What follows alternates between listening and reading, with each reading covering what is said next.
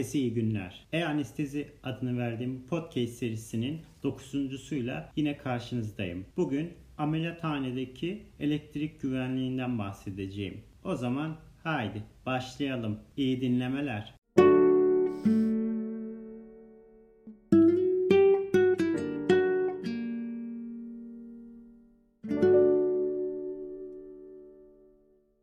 Herkese iyi günler. Bugün ameliyathane ki elektrik güvenliğinden bahsedeceğiz. Bu konu elektrik güvenliği konusu niçin önemli? Çünkü artık modern ameliyathanede pek çok elektrikli ve elektronik aletler vardır ve her geçen gün sayıları artmaktadır ve bu aletler hasta bakımı ve güvenliğin fazlasıyla bizim için artırmaktadır. Fakat bunlarda oluşabilecek elektrik güvenliği ne yapıyor? Hasta ve ameliyathane personelini bir takım risklere maruz bırakabiliyor.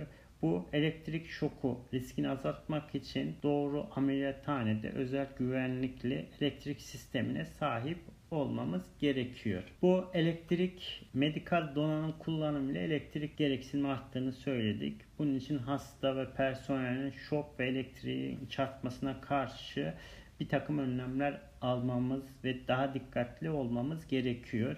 Bu elektrik akımının bir takım fizyolojik etkileri var. Bu şokun nedir? Yerine, süresine, sıklığına, büyüklüğüne bağlı olarak değişmektedir. Eğer kalp pili kabloları, invazif monitörler ve kateterler miyokarda doğrudan bu iletkenliklere yol açabilir. Onun için bu tür hastalara daha dikkatli olmamız gerekiyor. Ve kullandığımız serum fizyolojikler, kanlar elektriksel iletkenliği sağlayabilir. Onun için bu konuda dikkatli olmamız gerektiğini anlatacağım. Hastalarda fibrilasyon oluşturmak için gerekli akımın tam miktarı şokun yani kalbin repolarizasyonun hassas periyoduna denk gelmesine bağlı olarak değişebilir. O nedenle elektrik çıkışının toprak bağlantıları ile arasındaki gerilimdeki küçük farklar bile hastada şoka yol açabileceğinden bahsedeceğim. Onun için elektrik şoku kazaları ya da şoku bir kişinin elektriksel devrenin bir parçası ya da tamamlayıcısı haline geldiğinde oluşabiliyor. Elektrik şokuna maruz kalmak için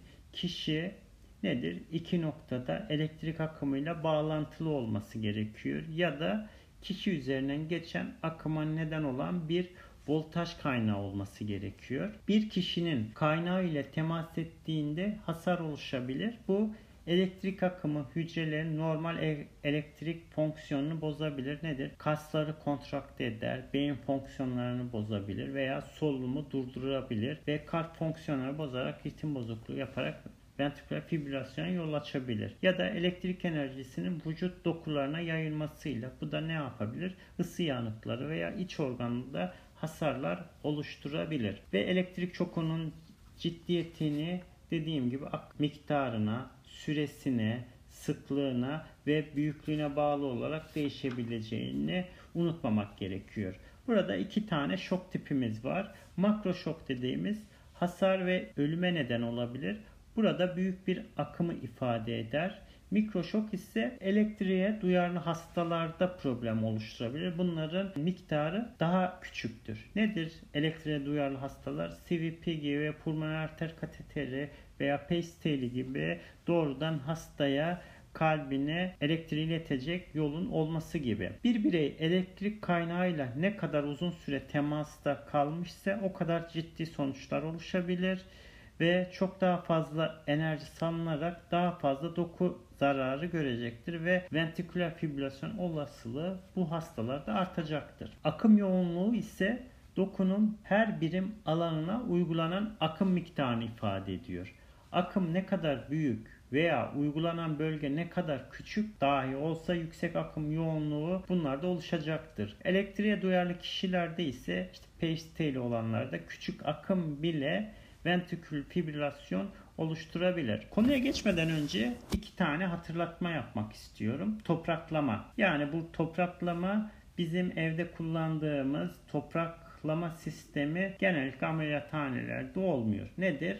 Elektrik gücünü biz ya topraklayabiliyoruz ya da gücü değil de cihazı topraklayabiliyoruz. Yani bizim evde kullandığımız topraklama sistemi genellikle elektrik gücünü topraklama şeklinde olabilir.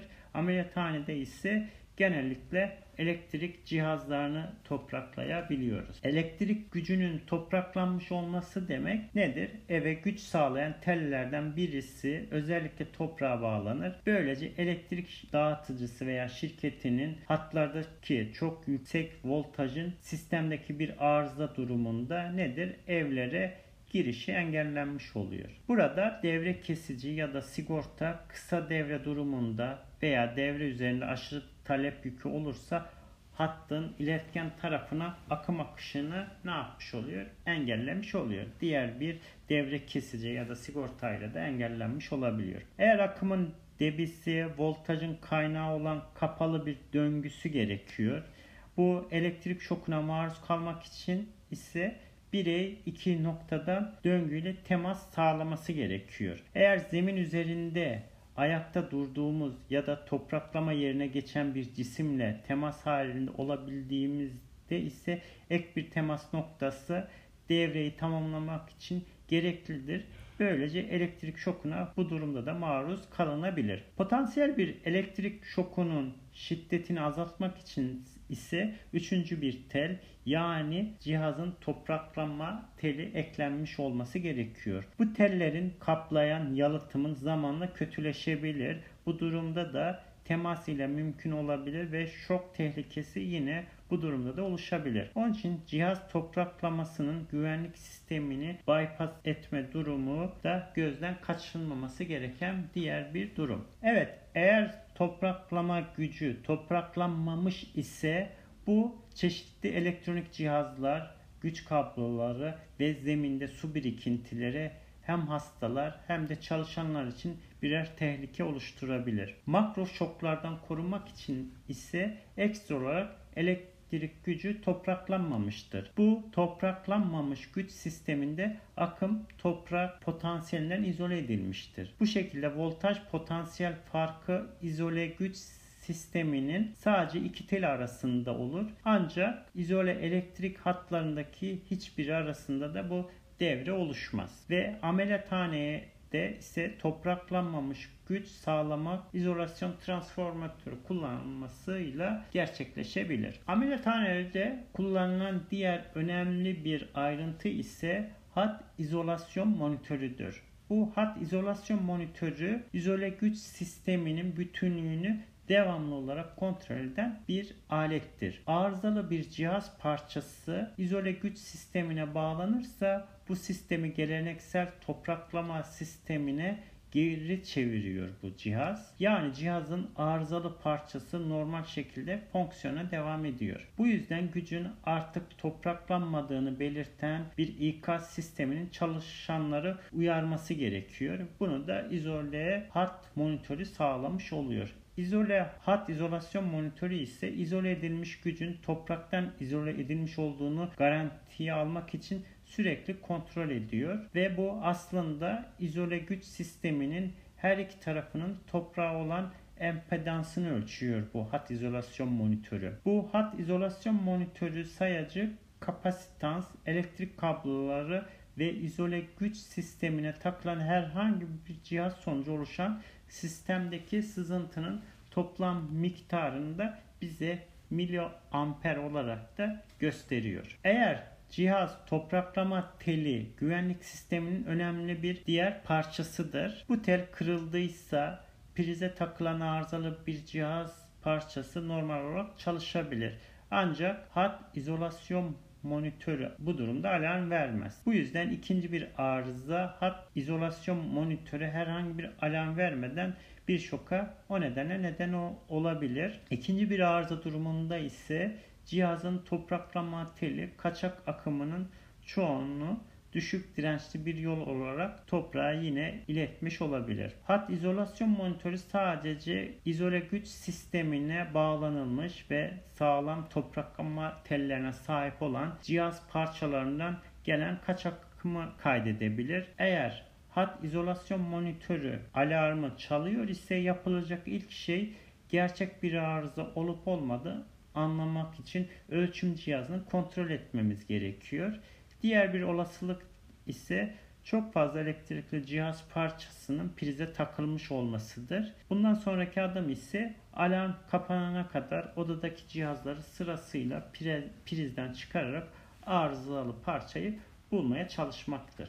Diğer bir önemli elektrik sistemindeki parça ise topraklama arıza devre kesicisidir. Bu topraklama arıza devre kesicisi akımın eşitliği için devrenin her iki tarafını izler. Eğer bir fark tespit edilirse hemen kesiyor. Bu ne yapıyor? Eğer bir kişi arızalı bir cihaz parçasına temas eder ve akım kişi üzerinden geçerse devrenin iki tarafı arasında dengesizlik oluşuyor ve bu durum topraklama arıza devre kesicisi tarafından tespit ediliyor. Topraklama arıza devre kesicisi çok küçük akımları bile farklılıklar tespit ettiği için birkaç milisaniyede devreyi açarak belirgin bir şok oluşmadan önce akımı kesiyor. Bu da topraklama arıza devre kesicisinin düşük bir maliyetle yüksek bir aslında ne yapmış oluyor?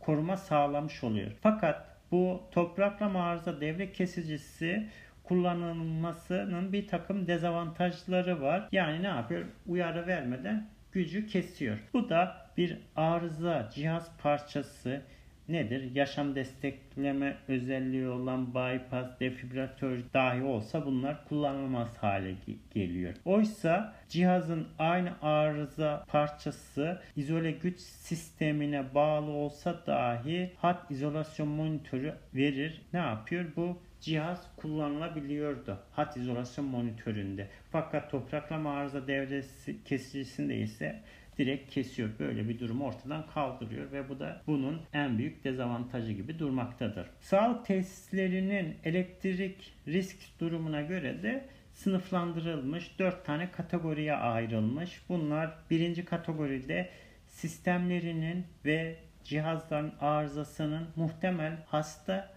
ya da bakıcısının majör hasarına veya ölümüne neden olacak tesis sistemleridir. Bunlar konumları ve sistemleri aynı yüksek güvenirliğe ve yedeklemeye sahiptirler. İkinci kategoride ise cihazlarının arızasını muhtemel hasta ya da bakıcısının minör hasarlanmasına neden olacak tesis sistemleri vardır. Bunlar daha az katkı gereksinimleri olacak sistemlerdir. Kategori 3'te ise cihazlarının arızasının hasta ya da bakıcısına zarar vermediği fakat rahatsızlığa neden olacağı tesis sistemleridir. Dördüncü grupta ise cihazların arızasının hasta bakımına hiçbir etkisi olmayan tesis sistemlerinden bahsedilmektedir. Evet daha önce bahsettiğim gibi mikroşok ve makroşoklardan bahsetmiştik. Mikroşokta ise elektrik olarak duyarlı bir hastadan bahsediyoruz. Yani nedir? Sivip, kateteri, pacetail gibi kalbe direkt dışarıdan bir bağlantısı olan hastanın çok küçük akımlara bile bağlı olarak risk sahibi olabilir ve bunlara biz ne diyoruz? Mikroşok diyoruz. Miyokarda doğrudan uygulanan akımın çok küçük miktarı bile VF'ye bu hastalara neden olabilir. Elektriksel olarak duyarlı hastalarda ventriküler fibrilasyona insan algı eşin altındaki bir akımda bile bu hastalarda oluşabilir. Alternatif akım ile çalışan herhangi bir elektrikli cihazın bir parçası olan parazitli bir kapasitans cihazın kasası üzerinden belirgin yük oluşumuna neden olabilir. Eğer kişi böyle yüklü bir cihazın kasasına ve elektriksel olarak duyarlı bir hastaya aynı anda temas ederse bilmeden hastaya doğrudan VP'ye ne yapmış olabilir? Sokmuş olabiliriz. Cihaz topraklama teli eğer elektriksel olarak duyarlı hasta için mikroşoka karşı korumanın diğer bir önemli kaynağını oluşturabilir. Eğer kişi asla eş zamanlı olarak elektrikli bir cihazla ve salin dolu bir santral katetere ve eksternal pace tellerine bu hastalarda dokunmaması gerekiyor. Santral kateteri ya da pace tellerini tutarken kişinin lastik eldiven giyerek kendini izole etmesi gerekiyor. Yine sinir stimülatörü gibi eksternal akım kaynağı ile kateter ya da pasteline temasına izin verilmemesi gerekiyor. Enerjinin iletecekleri kaynaklara karşı bu hastalar duyarlıdır. İşte elektrokoter, radyo frekans gibi bunlar da yine bu hastalarda mikroşoka neden olabilir. Hat izolasyon monitörlerinde eksik kalan bir durum var. Onu da hatırlatmak isterim. Hat izolasyon monitörü mikroşokta koruma sağlamaz. Fakat mikroşoktaki mikroamper akımlar hat izolasyon monitörünün koruma eşiğinin bunlar çok çok altındadır. Bunu da belirtmek gerekiyor. E peki elektrik güvenliğinin hedefi nedir ya da hedeflerimiz ne olmalı? Bunlar elektrik akımının insanlar üzerinde geçmesini zorlaştırmak gerekiyor. Bu nedenle hasta ve personel mümkün olduğu kadar zeminden izole edilmelidir. E, koruma olarak da elektrik sağlayıcı topraklanmış elektriksel gücü olmalı. Nedir? Bunu elektrik sağlayıcılar TEDAŞ'ın mesela sağlaması gerekiyor ya da bizlerin. Hat izolasyon monitörü devamlı olarak bunlar topraktan izolasyon durumunu izler ve arızalı bir cihaz parçası parçasının izole edilmesi için bize sürekli uyarı verir. İzole güç sistemine bağlı cihazlar cihaz topraklama teline sahip olmalıdır. Bu tel nedir? Alternatif düşük dirençli bir yol oluşturarak potansiyel bir tehlikeli elektrik akımlarının toprağa akmasını sağlıyor. Bu telin aslında görevlerine baktığımız zaman birinci olarak makro şok riskini azaltmak için hatalı akımlara düşük dirençli bir yol aslında sağlamış oluyor. İkinci olarak elektriksel olarak duyarlı hastalara zararlı olan kaçak akımları yok ediyor. Üçüncü olarak da topraklanmamış güç sistem durumu ile ilgili hat izolasyon monitöründen bize sürekli bilgi sağlamış oluyor. Peki elektrik şokundan korunmak için bizler ne yapıyoruz? Elektroşok ne yapıyor? Akımın canlı bir iletken ile vücut boyunca ilerleyip toprağa dönmesiyle oluşuyor. Yani devreyi biz bu şekilde tamamlamış oluyoruz. Bu nedenle her şeyi topraklamak gerekiyor. Hastayı direkt topraklayamayacağımız için onun yerine nedir? Operasyon odasındaki güç kaynağı bir izolasyon transformatörü ile topraktan izole edilebilir. Hatila izolasyon monitörü ile izole güç kaynağından toprağa akım potansiyeli bu şekilde ölçülmüş oluyor. Burada kabul edilemez derecedeki yüksek bir akımın toprağa geçme olasılığı doğar ve bu şekilde alarm aktive olmuş oluyor. Normalde evlerde olan toprak kaçağı devre kesicisi ameliyathanede olmaz. Çünkü burada yaşamsal sistemler bypass cihazları veya defibrilatörler olduğu için için kesilemez burada. Burada hat izolasyon monitörü tek bir hattaki uyarıyı verir. Şok olması için iki hatta hatta gerekiyor. Hat izolasyon monitörü bir donanım parçasının içindeki kırık bir güvenlik kablosunun olduğu gibi her hatayı da belirleyemeyebilir. Ayrıca elektrik şokunu azaltmak için de yeni cihazlar çift yalıtım sistemleri, topraklanmayan pil, güç kaynaklarından bir transformatörler de bu şekilde kullanılmış oluyor. Evet e, diğer bir önemli konumuz ise elektrik güvenliğinde elektrokoterler veya elektrocerrahi diyeceğimiz durum. Bu elektrokoterler yüksek frekanslı elektrik enerjisini ne yapmış oluyor? Yüksek frekanslı akımlar oluşturarak çalışıyor. Ne gibi? Bunlar EKG sinyallerinde, kardiyak out'un bilgisayar programlarında, pulse oksimetrelerde veya implant edilmiş pacemaker'ları etkileyebiliyorlar. Bu akımlar doku boyunca ilerleyerek ne yapıyor? Isı oluşturuyor ve bunun ucundaki yani pensil ucundaki enerjiyi yoğunlaştırarak kesici ya da koagülasyon sağlamış oluyor. Bu yüksek frekanslı akımlar düşük doku penetrasyona sahiptirler ve kontraktil hücrelere bunlar uyaramazlar. Bu cihazları cerrah cihazı eğer kalp yakınında kullandığı zaman veya hastada bir CVP ya da pulmoner arter kateteri veya pacetaili gibi bir durum varsa bu iletkene sahip olduğundan koagülasyon modu bu hastalar kullanımı sonucu Bunlarda mikroşoklar oluşabilir. Ayrıca bunlarda koter plağı eğer uygunsuz bir şekilde hastaya yerleştirilmişse, kablosu zarar görmüşse veya kopmuş ise bir takım problemler yine bunlarda çıkabilir. Eğer düzgün yerleştirilmemiş ise plaklar, plak yerinde yanıklar ya da başka dönüş yerlerinde yanıklar yine oluşmuş olabilir. En önemli faktör ise geri, geri dönüş planının uygun yerleştirilmesi olduğunu söyleyebiliriz. Geri dönüş planının eğer yeterli miktar miktarda elektrolit jel veya sağlam geri dönüş teline sahip olması gerekiyor. Eğer bunlar mümkün olduğu kadar ameliyat sahasına da yakın yine yerleştirilmesi gerekiyor geri dönüş planının. Eğer bu EKG elektrotları ameliyat sahasından mümkün olduğu kadar uzağa yerleştirilmediyse yine bunlarda da bir takım frekans bozuklukları ya da parazitlenmeler yine görülmüş olabilir. Bu kateterler pacemakerlı hastalarda mikroşok dahil bir takım problemlere neden olacağı için bunların yeniden programlanması dahi gerekebilir. Eğer elektrokoterler küçük bir aktif elektrottan hasta yoluyla geçen çok yüksek frekanslı bir akım oluşuyor ve bunlar büyük bir plağa, levha aracılığıyla nedir vücuttan çıkıyorlar. Koter ucundaki eğer yüksek akım densitesi elektrik dalga formuna bağlı olarak dokuyu ne yapıyor? Koagüle ediyor ya da kesiyor. Bu geri dönüş elektroduna fonksiyon bozukluğu varsa nedir? Elektrokoterden ayrılma varsa, uygun olmayan hasta teması varsa ve iletken jelin yetersizliği durumunda ne yapabilir? Akım çıkmak için başka yerlere yönleniyor. Nedir? EKG petlerine, ameliyat masasının metal parçalarına ve bunlarda da ne yapmış oluyor? Elektrokoter yanıkları veya cerrahi diyatermilere neden olabiliyor. Peki bu cerrahi yanıklardan önlemek için ne yapabiliriz? Yanıkları önlemek için geri dönüş elektronun uygun yerleştirilmesi gerekiyor plan. Protez, kemik çıkıntılarından mümkün olduğu kadar kaçınmamız gerekiyor.